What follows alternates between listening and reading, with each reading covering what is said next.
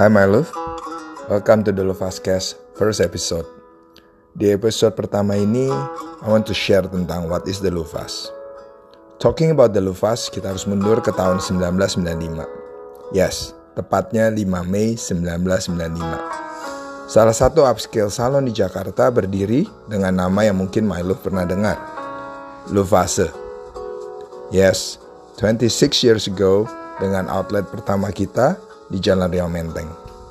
1996 kita buka outlet kedua di Plaza Senayan, 97 di Mall Taman Anggrek, 98 di Plaza Indonesia, and 2005 Pondok Indah Mall 2. Sampai hari ini, Lufase masih berdiri di outlet-outlet tersebut.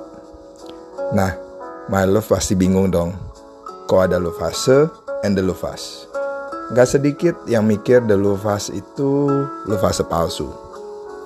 First episode ini saya mau menjelaskan what is the Luvas.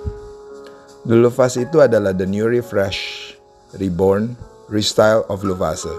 Kita satu DNA, tapi the Luvas itu adalah new directionnya Luvase. Jadi kalau ditanya apa sih the Luvas? Well, the Luvas adalah sebuah tempat di mana ada cinta di dalam rambut.